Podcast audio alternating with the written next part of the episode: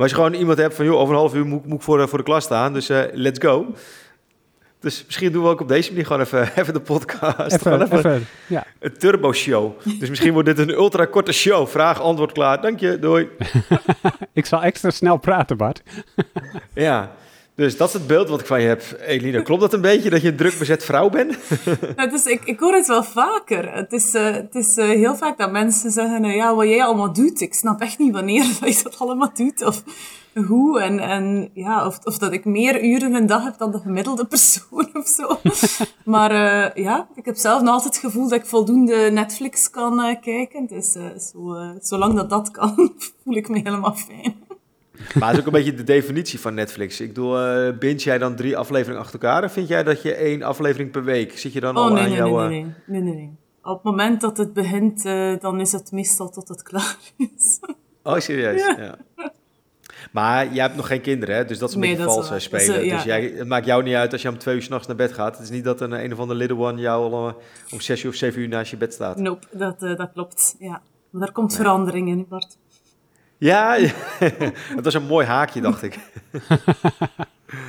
ja, want um, Eline, uh, heb je dit boek eigenlijk voor jezelf geschreven of niet? Of uh, je dacht van, hé, hey, ik uh, ga zwanger worden of ik ben het al, laten we daar maar even een boek over maken. Vanaf geboorte tot de eerste twee jaar.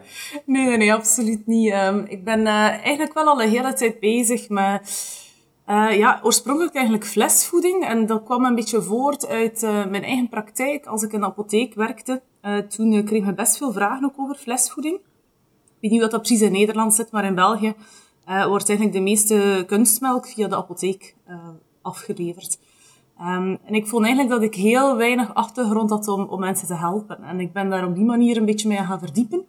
En er is echt een wereld voor mij open gegaan. En uh, dus ja, sinds, ik denk sinds 2014 uh, ben ik er toch al mee bezig. Um, en uh, ja, ik denk ondertussen ik toch wel een, een ja, wat expertise opgebouwd heb binnen dat domein.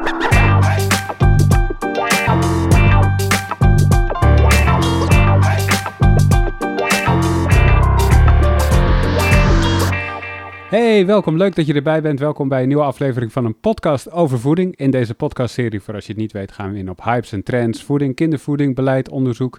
Eigenlijk alles wat je ook verwacht van I'm a Foodie. Uh, Bart Mol van I'm a Foodie is er natuurlijk weer bij. Hoi Bart. Hallo, goeiedag. En vandaag hebben we Eline Tommelijn te gast. Hallo Eline. Hoi, hoi. En als je de show van uh, Rolinde hebt gehoord een aantal weken geleden, dan, dan wist je eigenlijk al dat Eline ging komen, want dat hadden we daarin al verklapt. Uh, Eline is dokter in de farmacie en lactatiekundige. Nou, we hadden het wel even over in de intro natuurlijk. Uh, dan gaat het over, uh, over kunstvoeding bijvoorbeeld. Ze is professor aan de Vrije Universiteit Brussel. En in 2012 heeft ze Medicourse opgericht, een onafhankelijk opleidingsbedrijf dat focust op multidisciplinaire opleidingen binnen de gezondheidszorg. En daarnaast heeft ze ook nog tijd gevonden... Een lange lijst, man. Wat is dit? Zeker. Ik ga gewoon lekker door, Bart. heeft ze ook nog tijd gevonden om samen met Rolinde het boek Eet als een expert mini te maken. Uh, en dat, uh, dat boek dat staat centraal deze show. Heb ik het een beetje goed samengevat, Eline? Of ontbreekt er nog wat? nou, ik hou me hard vast. nee, nee, dit is, dit is zeker de, de kern uh, van mijn bezigheden, absoluut. Hartstikke goed. En we gaan het dus uh, hebben over, over uh, haar bijdrage aan het boek. Maar um, voordat we daar uh, aan beginnen, Eline, eerste vraag die ik eigenlijk altijd stel aan het begin van de show. Wat is je grootste voedingsfrustratie of teleurstelling van de afgelopen tijd? Um, ik, um, ik kan misschien niet zo direct en heel gedetailleerd iets noemen, maar wat me altijd opvalt, um, zowel in uh, de begeleidingen van patiënten uh, of als ik lesgeef aan zorgverleners, is dat het me gewoon opvalt hoe weinig dat er geweten is over uh, borstvoeding en over kunstmelk in het algemeen. Um, en dat is soms wel jammer, want daardoor krijgen ouders heel diverse adviezen. Um, mm-hmm. Van elke andere zorgverlener komt daar iets anders uit. Het is ook vaak niet evidence-based, maar vooral iets wat ze zelf een keer opgevangen hebben of gehoord hebben of, of zelf toegepast hebben. En dat brengt ouders toch wel in de war. En ja, dat is, dat is mijn grootste frustratie eigenlijk. Dat daar, dat daar nog zo weinig aandacht aan besteed wordt. Maar hoe komt dat? Maar ik denk dat het, dat het belang heel vaak niet uh, gezien wordt. Um, van die, van die voeding in die eerste levensjaren en wat je, wat je daar ook op lange termijn mee kan um, veroorzaken eigenlijk. Ehm, maar het is wat mij betreft echt essentieel om het, um, ja, om het eigenlijk in, in de opleidingen van, van elke zorgopleiding te integreren. Je bedoelt niet alleen als het gaat om, om uh, de verzorging van kleine kinderen, maar gewoon elke zorgopleiding zou een stuk daarover moeten hebben. Ja, toch iets, toch een soort van basis. Um, hoe dat die kindjes zich in de eerste, de eerste twee levensjaar ja, voeden uh, en hoe dat zij zich ontwikkelen. Ja, absoluut. Ja. En wat is dan het belangrijkste wat ze daarin zouden moeten leren?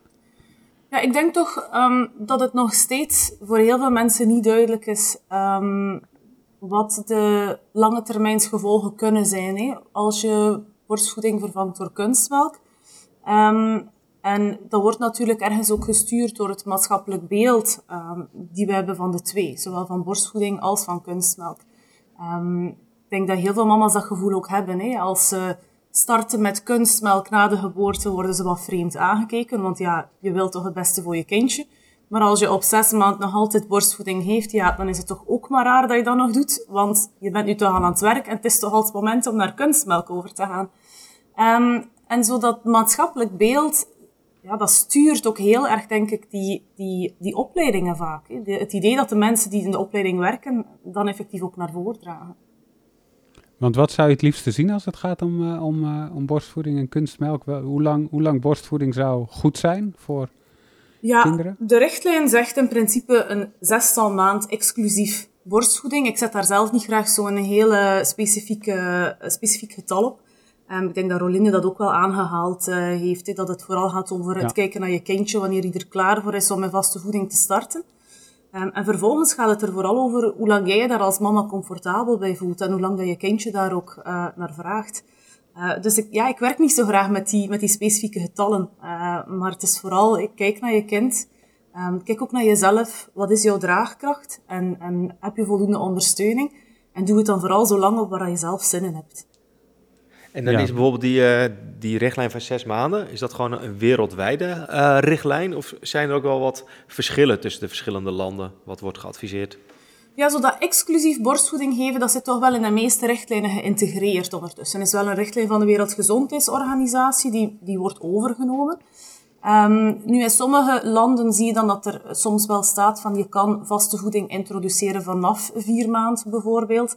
Um, en dat ondermijnt dat advies dan zo gezegd een beetje. Maar anderzijds ondersteunt het weer dat idee van allee, elk kindje ja, evolueert op zijn eigen tempo. Um, maar je kan toch wel zeggen dat het een zeer algemene uh, richtlijn is. Ja, toch wel. En uh, waarom dan, zeg maar, zes maanden? Waarom is dat niet op uh, drie maanden die cap? Of bijvoorbeeld negen maanden of twaalf, zeg maar? Is daar een, een argumentatie voor? Ja, absoluut. Um, het gaat er eigenlijk over, over hoeveel energie een kindje ook kan halen uit melk. Hè. Um, melk heeft een bepaalde samenstelling, maar op een bepaald moment heeft een kindje ook echt nood aan andere voedingsstoffen. Met name bijvoorbeeld ijzer zit daar toch wel bij. Um, en melk is daar op een bepaald moment ook wat gelimiteerd in. We zien dat rond zes maand die ijzervoorraad van die kindjes bijvoorbeeld wat uitgeput raakt en dat er dan echt wel nood is om ook iets anders te gaan toevoegen. Maar let wel, ik spreek altijd over toevoegen en het gaat niet over vervangen van de melk. De melk blijft echt wel de hoofdvoeding totdat het kindje één jaar is. Maar is er ook een moment dat je zegt van, nou ja, nu moet het echt wel klaar zijn met borstvoeding? Je kan een kind van die leeftijd, kan je beter echt niet meer uh, aan de borst leggen. Nee, eigenlijk niet. Zolang dat uh, de moeder en het kind zich daar comfortabel mee voelen, kan die borstvoeding in principe wel uh, doorgaan. Als we echt puur fysiologisch kijken, dan stoppen kindjes vanzelf tussen de leeftijd van 4 à 7 jaar. Dus dat is een grote marge. Dus dat gaat echt over het, het individuele kind. Um, dus maar echt zeggen, een, een, kind mag plots niet meer aan de borst. Dat vind ik echt niet oké. En uh, is, is, uh, zie je daar een historische tendens? Dat als je zeg maar kijkt naar de jaren 60, 70, dat er dan een veel grotere groep uh, vrouwen was die dan wel borstvoeding voor een langere periode gaf. En dat je ja, in recentere jaren dat de periode van borstvoeding geven steeds korter wordt? Of wordt het juist langer? Ja, Um, jaren 60, 70 zijn een slecht referentiepunt. Eigenlijk, want na de Tweede Wereldoorlog zijn heel veel uh, mensen beginnen, vrouwen ook beginnen werken. En zagen we eigenlijk net dat die borstvoedingscijfers uh, gekelderd zijn. Um, eigenlijk een beetje al vanaf de start van de industriële revolutie zag je dat wel zo wat. Uh, maar vroeger eigenlijk, als we dan echt een paar eeuwen teruggaan, dan zag je echt dat het zeer normaal was dat kinderen uh, drie, vier jaar borstvoeding kregen. Uh, daarom niet als hoofdvoeding, maar zeker nog als ondersteuning. Het was ook voor de mama een bescherming, omdat zij niet te snel opnieuw zwanger zou worden. Um, dus dat, dat speelde daar zeker ook een rol bij. Um, die borstvoedingscijfers waren, waren wel echt wat op, op het laagste pijl in de jaren 70, 80. En we zien toch nu wel dat daar weer een tendens zit naar meer borstvoeding. Uh, en ook langer borstvoeding. En dat gaat niet super snel, maar die trend zit er wel in. En je zei al een paar keer dat het uh, gevolgen kan hebben op de lange termijn. Kun je daarover uitweiden? Wat voor gevolgen zijn er op de lange termijn? Ja, um, ik wil daar ook altijd wat voorzichtig mee zijn. Um, omdat het, het, het is geen zwart-wit uh, situatie is. Uh, Het is mhm. niet zo dat uh, elk kindje die geen uh, borstvoeding krijgt sowieso een bepaalde aandoening zal ontwikkelen. We, we, bekijken dat altijd op populatieniveau. Dat betekent dat we naar een heel land kijken. En wat zou er gebeuren als iedereen borstvoeding heeft? Wat zou er gebeuren als iedereen kunstmelk krijgt? Um, dus het, het, wil zeker niet zeggen dat het in individuele situaties altijd borstvoeding moet zijn. Hè. Um, dus dat wil ik wel even gewoon ter verduidelijking erbij uh, vermelden. Um, maar als we dus op grote populaties kijken, ja, dan zien we wel uh, dat kindjes die borstvoeding krijgen, ja, het iets beter doen wat, wat betreft infecties, luchtweginfecties, maar ook bijvoorbeeld maag-darminfecties. Um, en dat de mama's die borstvoeding geven ook een uh, veel lager risico hebben op het ontwikkelen van borstkanker bijvoorbeeld. En dat zijn toch wel ja, zaken waar heel sterke evidentie voor bestaat. En is dat logisch en verklaarbaar? Ja. Weten we waarom dat zo is? Ja, absoluut. Die borstvoeding, uh, bij die kindjes, we zien dat die heel veel uh, antistoffen geven, uiteraard. Dat is het, het meest gekende verschil tussen moedermelk en kunstmelk. Um, maar er zijn nog heel veel andere aspecten. Hè. In moedermelk zitten ook een aantal stofjes die ervoor zorgen dat het immuunsysteem van het kindje wat sneller ontwikkelt dat de darmflora zich ook wat sneller ontwikkelen. Um, dus ook specifiek ontwikkelen volgens wat ze nodig hebben in de omgeving. Um, wat ervoor zorgt dat zij immunologisch wat sterker staan. En dat zorgt er natuurlijk voor dat ze zich ook iets beter kunnen verdedigen tegen die uh, pathogenen, die externe bacteriën en virussen. En bij de mama's ja, ligt dat vooral aan hoe dat die borst evolueert na de, na de bevalling. Um, en dat zorgt ervoor dat het, het risico op ontwikkelen van die borstkanker ook wel echt achteruit gaat. Ja. Hey, en uh, Eline, de dingen die je nu aangeeft, hè, eh, kunnen we dat ook allemaal teruglezen in het boek Eet als een expert mini? Of geven we nu al heel veel van het boek weg. Nee, nee, nee. We kunnen ik vind het super interessant om te horen hoor. Ik, ik hang aan je lippen. maar het is meer even dat ik dacht van, ah ja, is, het eventjes, uh, is dit een touch-off? Of gaan we hier heel erg de diepte mee in? Of even in relatie tot uh, het, het uh, boek? Het is, het is een touch-off. Er staan nog een aantal andere aspecten in die ook verschillen tussen de twee beschrijven. maar we hebben echt ons best gedaan om dat, om dat zonder enig oordeel te doen. dus om... om ervoor te zorgen dat ook mama's die er bewust voor kiezen om kunstmelk te geven, dat zij zij ook kunnen herkennen in het verhaal. Ik vond het vooral belangrijk om de, de kennis die we hebben, puur um, ja, weer te geven, puur wetenschappelijk weer te geven, zonder daar enig waardeoordeel aan te koppelen.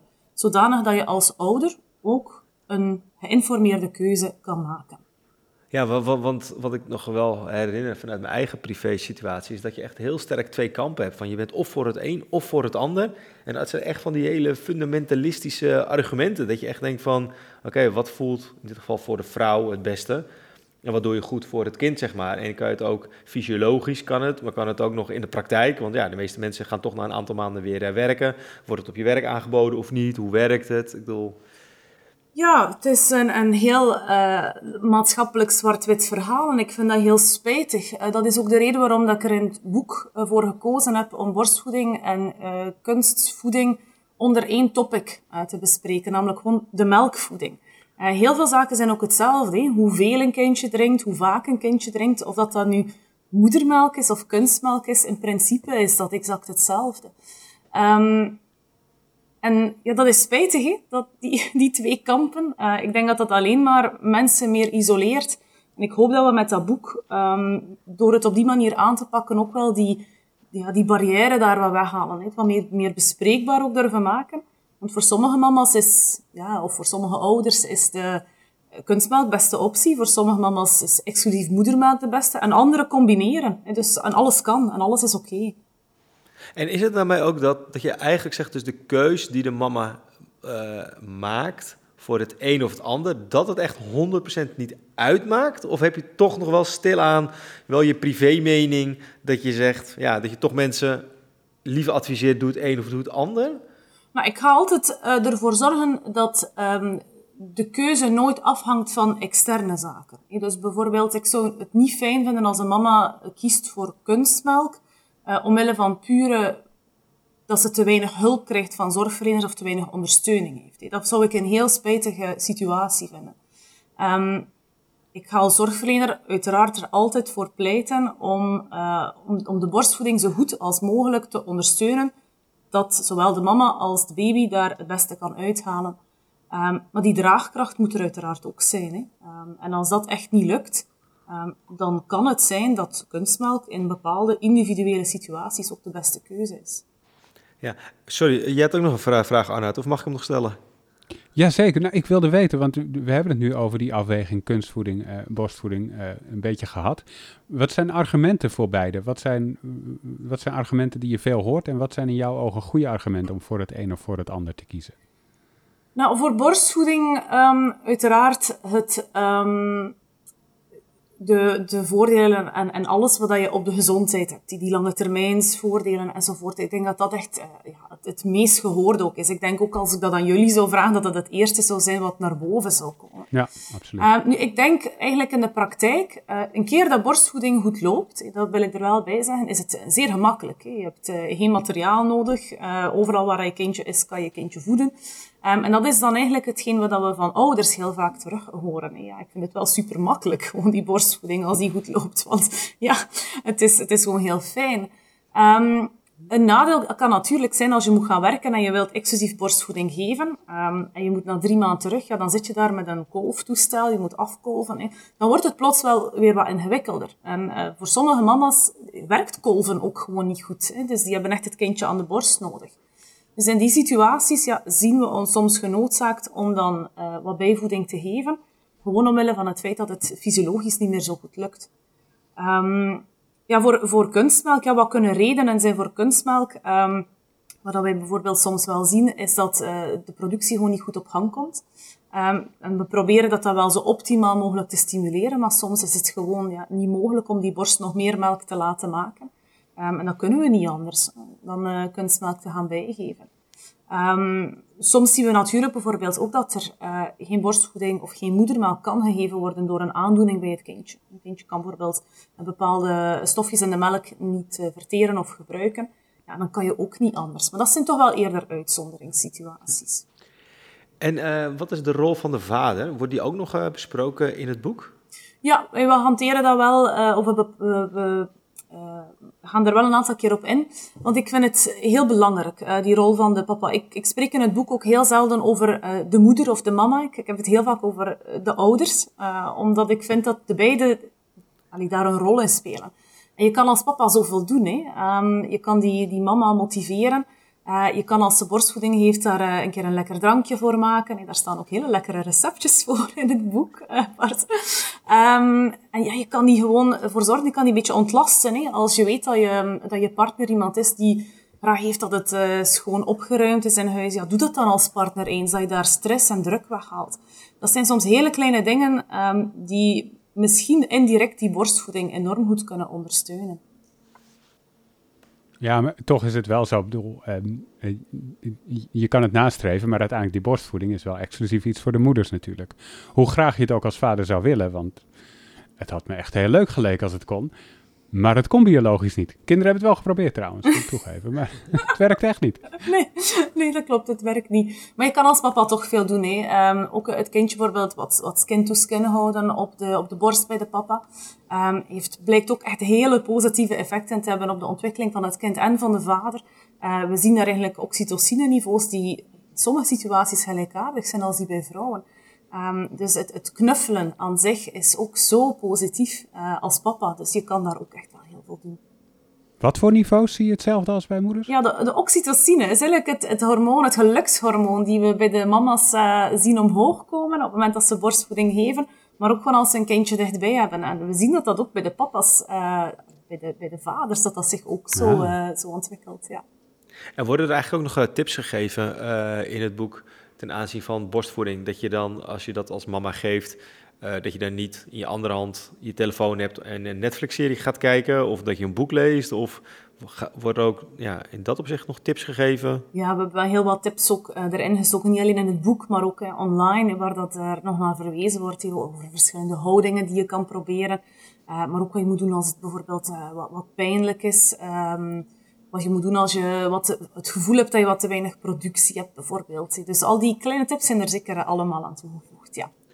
En uh, maakt het eigenlijk nog uit of je nou voor de eerste keer mama wordt en borstvoeding geeft, of voor de tweede of derde of vierde keer? Dat, dat, zeg maar, dat je lichaam al gewend is van, oh ja, uh, ik heb al bij de eerste al borstvoeding gegeven, dus bij de nummer 2 en 3 gaat het eigenlijk veel soepeler? Of is het eigenlijk per kind, per zwangerschap en ja, per geboorte weer ja. Dat je weer op nul, op nul begint eigenlijk. Interessante vraag. Ja, puur fysiologisch zien we wel dat mama's die een tweede of een derde keer borstvoeding geven vaak wel wat meer productie hebben. En dat die productie wat uh, sneller op gang komt. En dat de hoeveelheden melk ook wel wat hoger zijn. Dat ze iets makkelijker kunnen kolven. Dat heeft puur ermee te maken dat, die, dat dat weefsel uiteraard wat getraind geweest is. Maar elke borstvoeding blijft uniek. En het kan zijn dat het de eerste keer heel goed lukt en de tweede keer wat minder goed. Uh, je bent uiteraard met twee. Hè. Het is niet alleen de mama, maar het is ook het kindje. En zijn er nu nog dingen, Eline, die je zelf hebt geleerd tijdens het research doen voor, de, voor dit boek? Zijn er nog dingen die je niet wist, die je nu wel weet? Ja, ik had, um, ik had daar ook nog eventjes over nagedacht. En um, ik heb zelf nog uh, de, de opleiding lactatiekunde relatief recent afgerond. Um, en binnen al de lessen die ik daar gevolgd heb, was ik toch wel verbaasd over de les over de groeicurves. traditioneel, en ik had dat ook altijd opgevangen zelf. Uh, wordt zo de, de WHO-curve, de curve van de Wereldgezondheidszorg, zo wat gezien als de, de curve die gebruikt wordt voor de kindjes die exclusief borstvoeding geven. Maar met de opleiding uh, te volgen ben ik toch een keer echt in die studie gedoken. Um, en bleek toch dat dat geen ideale referentiegroep was. Uh, ook niet voor kindjes bij ons die exclusief borstvoeding krijgen. Um, als je echt gaat gaan kijken, dan lijken dat zo kindjes die... Um, ja, er zijn er eerst en vooral heel weinig. Er waren er uiteindelijk maar een 800 uh, eh, die gebruikt zijn als referentiegroep. En die, um, die kindjes mochten ook nooit ziek zijn. En vanaf dat zij bijvoorbeeld een verkoudheid hadden of een snottebel, werden die uit die studie uh, verwijderd. Um, en die mama's rookten niet. Die mama's hadden een optimale borstvoedingsbegeleiding. Ik denk dat je hier al aanvoelt van ja, dit is al absoluut niet de algemene populatie. Um, dus die, die WHO-curve, ja, dat is toch iets uh, waar ik um, wat, wat voorzichtiger mee ben om die te gebruiken uh, momenteel. Ja. Want wat, wat zou je dan kunnen gebruiken als, uh, als referentiemateriaal? Ja, ik denk, het is niet zozeer dat, het, dat je een alternatief moet gebruiken, maar ik denk dat je er wel wat kritischer naartoe mag kijken. Um, als een kindje wat varieert op die gewichtscurve, um, dat het vooral gaat hoe hij evolueert. Um, of dat je daar, als er iets gebeurt, dat je daar een hele specifieke oorzaak aan kunt koppelen. maar dat je niet zozeer mag gefocust zijn op die, op die cijfertjes. Ja, heb je het idee dat er nu te veel gefocust wordt op die cijfertjes in, uh, in de zorg? Of valt het mee? Ik heb dat soms wel. En dat gaat bijvoorbeeld over die groeicurve zelf. En vanaf dat dat een beetje zakt van die curve, is er direct uh, grote paniek bijvoorbeeld. Um, wat we bijvoorbeeld ook zien, is dat kindjes na de bevalling sowieso een beetje afvallen. En dan wordt heel sterk gefocust soms op een bepaald cijfertje. Ja, vanaf dat een percentage behaald wordt, wordt dan kunstmelk bijgevoegd. Um, en ik vind dat er daar soms wel wat te, te streng mee omgegaan wordt. Dat het veel beter is om te kijken van, ja, hoe doet dat kindje het nu? Um, bijvoorbeeld ook na die geboorte, zijn daar voldoende plaspampers? Zien we dat die borstvoeding uh, op hang komt? Um, dan is dat eigenlijk wel oké. Ook al zitten we misschien nu wat op die grens, dan hoeft er geen bijvoeding te zijn. Dus ja, ik denk dat wel. En dat ligt enerzijds aan onze zorgzetting, maar dat ligt ook aan, ons, aan, onze persoon, hoe wij zijn als, als mensen. We, we, we willen ook vaak zo'n cijfer. Ouders willen dat ook heel erg vaak. Nou, het geeft in ieder geval een uh, referentie, zeg maar. Dat is bijvoorbeeld hetzelfde van, nou, uh, het uh, eerste is natuurlijk negen, negen, maanden zwanger, dan is het geboren. Dan weet je van, oh ja, de eerste twaalf weken, dan is eigenlijk alles nog aan het groeien. Heb je nog buikkrampjes na, na, na, het drinken. Nou, na een week of twaalf zijn de darmpjes wat meer volgroeid. Nou, dan heb je toch wel altijd een soort van stip dat je, oh ja, het is de eerste maand. En na zoveel maanden, dan kan je misschien inderdaad andere voeding aanbieden. Of ja, dat, wordt, dat zijn natuurlijk de verschillende levensfases in het boek die natuurlijk ook echt wel uh, naar voren komen, zodat je wel weet, oh ja, dat is de stip aan de horizon waar, waar, waar je naartoe werkt. Maar hoe is je eigen, ja, uh, je eigen beeld straks als je bent bevallen? Dan ga je dan beginnen met borstvoeding of kies je gelijk al voor een hybride variant? En hoe lang wil je dat, dat gaan doen? Wat is je eigen aanpak? Nou, mijn idee is echt om borstvoeding te geven zelf. Als ik, uh, als ik bevallen ben, zou ik heel graag mijn kindje het eerste uur uh, bij me houden. Uh, dat het ook wel aantoont dat dat, dat, dat echt helpt en onder, ondersteunt. Maar natuurlijk, het moet medisch ook gewoon oké zijn. Ik ga uiteraard de gezondheid van mijn kindje absoluut niet in het gedrang brengen. En ik ben daar dus niet zo um, fundamentalistisch in, als ik dat woord al mag gebruiken. Um, maar mijn wens is wel echt om die borstvoeding te geven. En, en zo lang mogelijk, absoluut. Ik heb er ook voor gekozen om na mijn um, zwangerschapsverlof nog een aantal maanden um, borstvoedingsverlof, uh, in België heet het dan ja, ouderschapsverlof, die je optioneel kan opnemen, uh, om die daar eigenlijk onmiddellijk aan te plakken. Uh, zodanig dat ik dat ook wel kan garanderen. Dat ik er ben thuis om een kindje aan de borst te houden. en dat ik niet op die vroege leeftijd maximaal moet starten met afkolven. Maar dat brengt ons bij het, het grote probleem, hè, dat dat de, de verlofperiodes eigenlijk gewoon te kort zijn. ja. Want hoe zou je dat uh, idealiter zien? Want volgens mij is het even een beetje drie maanden ook dat je dan vanaf geboorte dan plus drie maanden een beetje in Nederland. En de meeste mensen, als ze het kunnen veroorloven, dat ze inderdaad een maand of twee maanden nog vakantie eraan mm. plakken, zeg maar. Um, hoe zou het idealiter moeten? Moet eigenlijk gewoon, voor mijn Zweden is dat helemaal ruimhartig in volgens mij. Dat ook uh, de papa volgens mm. mij uh, zo'n beetje een jaar verlof krijgt. Ehm, ja, dat is voor mij echt de ideale situatie. Um, hoe het in de Scandinavische landen gaat, is denk ik dat je uh, een aantal, eigenlijk twee jaar krijgt als koppel. Um, en dat elk van de ouders minstens zes maanden moet nemen en dat je de rest mag verdelen over de beide. Uh, ik vind dat eigenlijk een hele fijne uh, oplossing die, die elke ouder dan ook kan invullen naar wens. dus dat zou, dat zou voor mij echt het, het, de utopie zijn, denk ik. Maar ik vrees dat we daar nog ver van af zijn. Ja, want wat zijn dan redenen om dat niet te, niet te doen? Want je zegt van vanuit gezondheidsoogpunt en voor het kindje en voor de ouders is dat heel goed. Ja, daar heb ik eigenlijk uh, zelf minder zicht op. En, en um, ik vermoed dat dat echt puur gaat over, um, ja, over hoe dat, dat historisch ook wat gegroeid is, uh, eigenlijk. Um, ja, ik zou daar een keer met een beleidsmaker over moeten praten, wat dan, wat dan echt die, die motivaties zijn om dat verlof zo kort te houden. Ja, in, in Nederland, ik weet niet hoe het in België zit. In Nederland hebben we heel lang twee dagen gehad voor de vader. Eén dag voor de bevalling en één dag voor de aangifte. Dat was daadwerkelijk alles. Nou, heel hoe zit dat in België? In België krijgen ze sinds kort ook wel tien dagen. Tien werkdagen, dus ze kunnen twee weken thuis zijn. Maar dat is ook nog maar recent gewijzigd. Ja, um, ja bij ons ook in Nederland. Ja, ja. Ik, ik blijf het heel kort vinden. Uh, maar, maar kom. En het, het, het houdt ook het... Um, ja, het, het, verschil tussen mannen en vrouwen in stand sowieso in, in, binnen de werkomgeving. Dat is een heel andere discussie. Ja, ja inderdaad. Ja, zeker. Maar het, het is sowieso inderdaad, uh, ook als zelfstandig ondernemer, dan is het natuurlijk ook weer een heel ander verhaal. Dat je dan, dan heb je uh, die dagen niet. Dus dan is het ook dat het al wringt soms, weet je wel, met werkzaamheden die, die je moet doen versus bij je vrouw en kind zijn, et cetera. Dat maakt soms ook wel uh, een uitdaging. Ja. Um, maar ik was ook even benieuwd van uh, bepaalde learnings, zeg maar. Hè? Als we kijken uh, naar het boek. Want het boek gaat ook volgens mij uh, gedeeltelijk in op flesvoeding geven. Of welke type fles dan. Dus de, kan je daar nog iets over toe, toelichten? Van nou, wat voor fles zou je dan moeten doen? Is het gewoon de, de mensen, de, de, de plastic fles die, die de meeste mensen wel kennen? Of zijn daar ook nog ontwikkelingen in dat je zegt, nou, ik uh, kies maar beter voor een glasfles of een siliconen variant of een metalen, iets dergelijks? Hoe, uh... Ja, daar zien we recent toch al wat evoluties in. Hè? Dus oorspronkelijk, als we echt teruggaan in de tijd, bestonden enkel glazen flessen. Uh, maar natuurlijk, het probleem toen was dat die glazen flessen makkelijker braken. Waardoor dat dus dan een keer dat de, de plastic ja, era eraan zat te komen, dat dan ook de meeste plastic, de meeste flesjes voor kindjes vanuit plastic begonnen te bestaan. Ehm, nu, momenteel zien we dat er wel wat alternatieven zijn en mijn voorkeur gaat daar wel eerder naar uit. Eerst en vooral omdat het ook veel duurzamer is dan het plastic. Het gaat veel langer mee. Um, het is ook voor het milieu gewoon echt veel beter. Um, en het glas die momenteel gebruikt wordt, breekt ook niet zo makkelijk meer. Het is uh, borosilicaatglas die gebruikt wordt. Dus dat is um, eigenlijk een veel veiligere soort dan het, het oude, ja, enkel, enkele glas die ook voor de flesjes gebruikt wordt.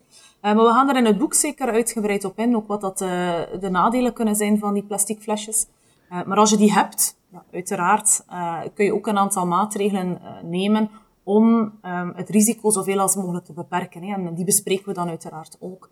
Um, maar die alternatieven zijn er. Hè. Siliconen en, en tegenwoordig dus ook uh, roestvrij staal. Uh, alleen vind ik dat... Het lastige daaraan vind ik dat je er niet kan doorkijken. Dus dan moet je toch, ja. toch altijd ja, het afmeten van het water in een ander kommetje doen. En dat maakt het toch weer wat ingewikkelder. Ja, ja ben heel benieuwd hoe roest, roestvrij staal dan... Ik, ik heb wel een waterfles gewoon voor mezelf gehad van roestvrij staal. Had ik toch het idee dat ik er wel iets van merkte in de smaak of zo. Of dat ook de smaak beïnvloedt van, uh, van de melk. Ja, sommige, uh, sommige mensen zeggen dat. Uh, dat ze dat wel um, um, ja, zelf uiteraard niet proeven. Maar dat ze dus inderdaad wel merken dat het kindje anders reageert op de melk qua smaak of qua geur als het een roestvrij stalen flesje komt. Maar als je daar natuurlijk van het begin af aan voor kiest ja, dat kindje heeft geen referentiepalet. Nee. Dus die, die, die start daarmee en die is maar dat gewoon. Hè. Dus het is zeker een optie als je het vanaf de start wenst te gebruiken. Hey Bart, jij uh, doet de hele tijd wel net alsof je er niks van weet. Maar uh, jij kent dit boek natuurlijk van haver tot gort, want je bent betrokken bij, uh, bij de, het maken ervan. Zijn er dingen die bij jou, wat bij jou echt een grote openbaring was? Ja, ik loop eerlijk gezegd nog een klein beetje achter met het lezen van het boek. Ik, bedoel, ik ben de, de, uiteraard geen inhoudsdeskundige in deze, dus ik, ik, lees het wel. Maar ik geef geen feedback of ik review niet, zeg maar, op dat, op dat niveau. Met name weer als... Ja, vanuit privé-oogpunt als uh, ouder. Dat ik denk van, oh ja, dit, zo heb ik het zelf ervaren. Misschien kunnen we nog een beetje iets doen om die papa ook wat meer in de boeken te krijgen. In plaats dat het alleen een uh, women-only boek is. Nee, maar zonder gekheid. Nou ja, wat ik echt fascinerend vond om te lezen is dat... Uh, wij hebben op een gegeven moment ook uh, kunstvoeding aangeboden. En ik was eigenlijk altijd heel trots na zoveel maanden dat, je, dat ik naar nummer 2 mocht of nummer 3. Dus dat was echt een soort van mijlpaal. Dat ik zei, yeah, ja, hij mag naar nummer 4. En alleen die mythe, die werd uh, even heel uh, fijnzinnig uh, doorgeprikt door Eline, dat ik er last van. Maakt helemaal geen moer uit. Of dat ik weet namelijk heel goed dat ik toen ook een keer aan de kraamhulp vroeg of zo, verloskundig of in ieder geval iemand met, met expertise, dat ik zei, oh ja, ik ga van uh, cijfertje 2 naar 3 en krijg er dan geen buikkrampjes of hoe moet ik het doen? Zei ze, ja nee, dan moet je ze door elkaar husselen en dan, en, en dan gaat een soepele overgang. Oh ja, top. Terwijl ik nu achteraf denk, ja, dat is echt ja, reinste bullshit geweest. En dat ik dat dus las, toen oh ja, het is ook weer, ja, dat je toch wel... Uh, ja, met marketing of zo, dat speelt daar natuurlijk ook allemaal een rol. Dat je kiest voor merk A of B. Uh, en nou ja, ik wil er niet te veel over vertellen, want dat staat ook echt in het boek. Dat het voor mij echt een openbaring was. Hoe dat dus ook vanuit ja, wetgeving is. Dat er tot een bepaalde leeftijd nog helemaal geen reclame mag worden gemaakt. Maar zodra de reclame mag worden gemaakt, hoe ze daarmee omgaan. Ja, dat was voor mij echt wel een openbaring. En um, nog het laatste punt, maar dat kan Eline beter toelichten. Ik haal het altijd door elkaar heen. Dat volgens mij door de, na een aantal maanden verandert de samenstelling van eiwit en vet volgens mij in de borstvoeding. En dat gaat in de kunstvoeding precies tegenovergesteld. Dat vind ik nog het meest frappante. Maar Eline, kun jij dat even eh, toelichten hoe dat nou exact zit? Ja, ja, dus in het algemeen zeggen we meestal wel dat de, de, moedermelk, een keer dat die, dat die productie echt supergoed op hang is, en we noemen dat dan in de mature melk, dat die eigenlijk nog heel weinig varieert. Maar natuurlijk, als je kijkt, een kindje die drie maanden versus een kindje die anderhalf jaar is, oké, dan verschilt het wel een beetje. Dan neemt heel gestaag, uh, zit daar toch een kleine verandering op. En we zien vooral dat de hoeveelheid eiwitten uh, naar beneden gaat. Um, en dat is ook logisch. Hè. Eiwitten worden vooral gebruikt om um, eigen lichaamseiwitten aan te maken. En je hebt er heel veel nodig als je heel snel groeit. En een kindje groeit in het begin heel, heel snel. Maar die groei, die vertraagt uiteraard. Anders zouden we allemaal ja, bomen van, uh, van mensen worden. ja. Ja, ja. Um, dus die groei neemt wel wat af. Dus je hebt ook wel echt minder eiwit nodig. En je ziet ook echt in die moedermelk dat dat, dat, dat zo gebeurt. Uh, daarentegen heeft dat kindje veel meer energie nodig. Het begint te wandelen, te staan. Dus het, het begint van alles te doen. En daar heeft het vet voor nodig. En dan zie je ook in die moedermelk dat dat vetgehalte stijgt. En wat we dan net zien in de kunstmelk is heel vaak dat die eiwitgehaltes stijgen naarmate dat de nummertjes stijgen en dat de vetgehaltes uh, naar beneden gaan. Ja. En welke logische verklaring is daarvoor, dat ze daarvoor kiezen? Ja, het is uh, enerzijds denk ik uh, een deeltje gewoon puur het productieproces, um, uiteraard. Het is, het is uh, een babymelk maken, ja, dat is niet zo eenvoudig. dus men kiest ook wel vaak voor de gemakkelijkere oplossing, denk ik daar. en anderzijds denk ik ook de, de prijs van de grondstoffen gewoon. Hè. Dus ik denk dat eiwit een, een, gewoon een goedkopere grondstof is dan die kwalitatieve vetten die vaak in de, in de melk noodzakelijk zijn. En dan nog een, ander, een vraag van een andere orde, Eline. We hebben ook een beetje aan Rolinde gesteld, maar uh, jullie zijn natuurlijk allebei Vlaams. Uh, en en uh, I'm a Foodie is een Nederlandse, Nederlands bedrijf. Zijn jullie nog tegen veel taalkundige of culturele dingen aangelopen? Dat je dingen had verwoord in het boek en terugkreeg uit Nederland? Nou, wat hier staat, geen idee. Was wel een grappige discussie. En ik, ik betrapte mezelf er daarnet al op dat ik het woord plaspamper in de mond nam. ik dacht, nee, ik hoop dat jullie dit allemaal wel begrijpen. Want ik, ik, ik veronder, in, in Nederland ben ik er ondertussen dat dit een natte luier wordt. ja, ja. Nou, inmiddels heb ik wel een uh, Vlaamse filter. Dat ik weet, oh, dit zeggen ze, maar ze bedoelen dat eigenlijk. Ja, of uh, ja, bepaalde voedingsmiddelen. Hè. Op een bepaald moment hadden we het over uh, petit. Uh, ik denk in België een, uh, een echt een klassieker onder de babyjoegertjes. Dat uh, Marijke en Bart toch alle twee ons vroeg van, wat is dit? ik heb ook geen idee hoor. nou, dat is zoveel te beter. Uiteindelijk. hey, en um, een beetje tot slot. Um, wie zouden we nog meer te gast moeten hebben in deze podcast? En je mag natuurlijk Rolinde niet noemen, want die is al geweest. En Marijke ook uh, niet? Mag ook niet? Okay. Mag ook al niet. Nou, we hadden het daarnet misschien over dat, dat beleid en, en, die, uh, en alles rond borstvoeding. En ik dacht dat misschien um, Serena, Serena Dubbonet, uh, een collega lactatiekundige, wel interessante, ja, interessante praatgast zou zijn. Ze is uh, zelf ook nog uh, aan het werk als lactatiekundige, maar zij werkt ook bij de Belgische overheid binnen het Federaal Borstvoedingscomité, is voorzitter van de Belgische Vereniging Lactatiekundigen. Dus ik denk mm -hmm. als jullie daar wat meer info over willen, um, en ook puur over die borstvoeding, dat zij een hele fijne praatgast zou zijn. Ah, leuk, goede tip. Ik zie het Bart opschrijven terwijl jij praat, dus dat komt zeker goed. Um, Bart, heb jij tot slot vanuit I'm Foodie nog dingen die je onder de aandacht wil brengen? Nou, eigenlijk uh, dat mensen gewoon en masse uh, de pre-order moeten gaan uh, bestellen. Dus van het boek, boek Eet als expert mini. hij staat gepland voor maart 2022 als uitlevering. Dus Eline, mocht je dit horen nu, dan weet je wat de deadline is wanneer het boek klaar moet zijn, voordat je bevalt. Dus dan ja, heb je nog wat enige druk, denk ik. Het zijn twee deadlines in één keer eigenlijk. precies, precies. Nou ja, op zich was was wel de grap, want uh, als wij een boek ontwikkelen, hebben we uiteraard wel een bepaalde planning. Maar we zijn denk ik anderhalf jaar geleden begonnen met dit uh, boek, met het concept. En dan ja, ben je daarbij over aan het nadenken van ja, er zijn al heel veel boeken erover geschreven. En waar, uh, waarin kunnen wij ons stukje aan bijdragen? Dus dan is het gewoon een beetje aan het concept schaven en ja, dat verder uitdenken. En op een gegeven moment toen kwam wel een beetje de flow erin met ja, teksten schrijven. En op een gegeven moment kwam uh, Eline met het nieuws van... oh ja, ik heb ook nog wat uh, te melden. Toen was oké, dat gaf wel even extra druk aan het hele proces van... oké, we moeten nu echt, echt gas geven. Want ja, uit eigen ervaring weet ik wel dat... ja, als je op een gegeven moment de, de, eerste krijgt... Nou, dan kan je alles plus zes maanden wel eventjes uitstellen met projecten en dingen. Omdat het gewoon niet je primaire focus is, logischerwijs. Dus toen was het van, oké, nou, dat is wel een mooie deadline. Mhm. Dus, uh, en het is natuurlijk, ja, uh, een groot gedeelte van het boek gaat daar natuurlijk over wat Eline met name heeft geschreven.